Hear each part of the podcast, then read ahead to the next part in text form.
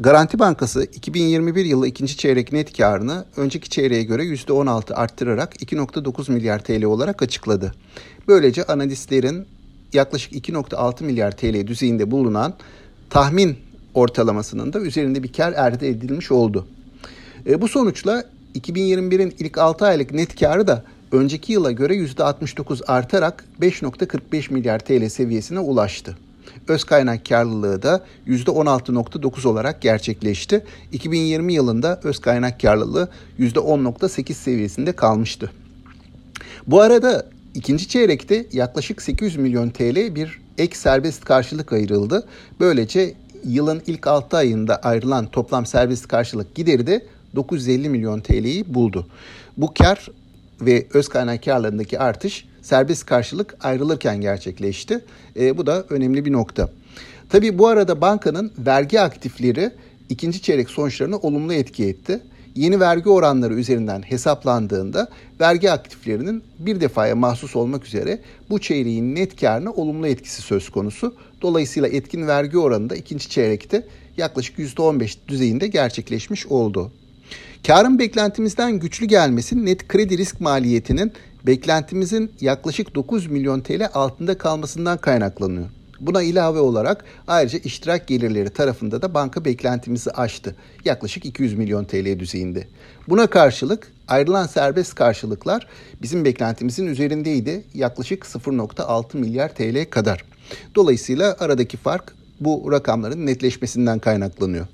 Dönem karının önceki çeyreğe göre güçlü artması ise net karşılık giderlerinin önceki çeyreğe kıyasla 1.3 milyar TL kadar düşerek 1 milyar TL'nin altına gelmesinden kaynaklanıyor. Tabi Garanti Bankası bunun tamamını net kâra yansıtmadı. Az önce de belirttiğim gibi yaklaşık 0.8 milyar TL bir serbest karşılık ayırdı ve e, bu rahatlamanın kısmen net kâra yansımasını sağlamış oldu.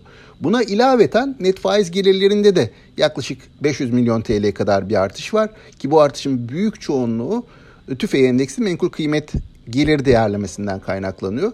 Ayrıca yine komisyon gelirleri de güçlü artışını sürdürüyor. Önceki çeyreğe göre burada da yaklaşık 150 milyon TL kadar bir artış var. Baktığımız zaman net faiz gelirlerinde önceki çeyreğe göre kuvvetli artış az önce de ifade ettiğim gibi bu tüfe endeksi menkul kıymetlerden kaynaklandı. Ee, bunun sayesinde net faiz marjı yaklaşık 15 bas puan artarak 3.6 oldu. İlk 6 ayın net faiz marjı ise önceki yıla göre yani önceki yılın tamamına göre 165 bas puan gerilemiş oldu. Ki Garanti Bankası e, genelde yönetim tarafından paylaşılan görüşlerinde ve sene başında da bunu vermişlerdi. Bu marjın yılın genelinde 100 bas puan bir gerileme göstereceğini öngörüyor. Bunu da koruyorlar. Dolayısıyla e, ilk 6 ay itibariyle 165 bas puan gerileme olduğuna göre e, yılın ikinci yarısında bir toparlanma bekliyorlar ki yılın genelindeki net faiz marjı daralması 100 bas puan civarında kalsın. E, bunun bir kısmı kredi tarafındaki yeniden fiyatlamadan kaynak gelecek. Bir kısmı da tüfe endeksinin menkul kıymet gelirleri özellikle Ekim ayında ki Ekim ayı için nispeten yüksek bir enflasyon oranı bekleniyor. Bu enflasyonun katkısı girdiğinde e, bu hedefin gerçekleşeceğini düşünüyorlar. Yani net faiz marjındaki daralma 165 bas puandan 100 bas puana gerileyecek yıl için. Bu rakamları dikkate aldığımızda yani net faiz marjındaki toparlanma buna karşılık ilk 6 ay itibariyle oldukça düşük kalan net kredi risk maliyetinde yani ayrılan karşılıklarda yılın ikinci yarısında bir artış öngörüyorlar.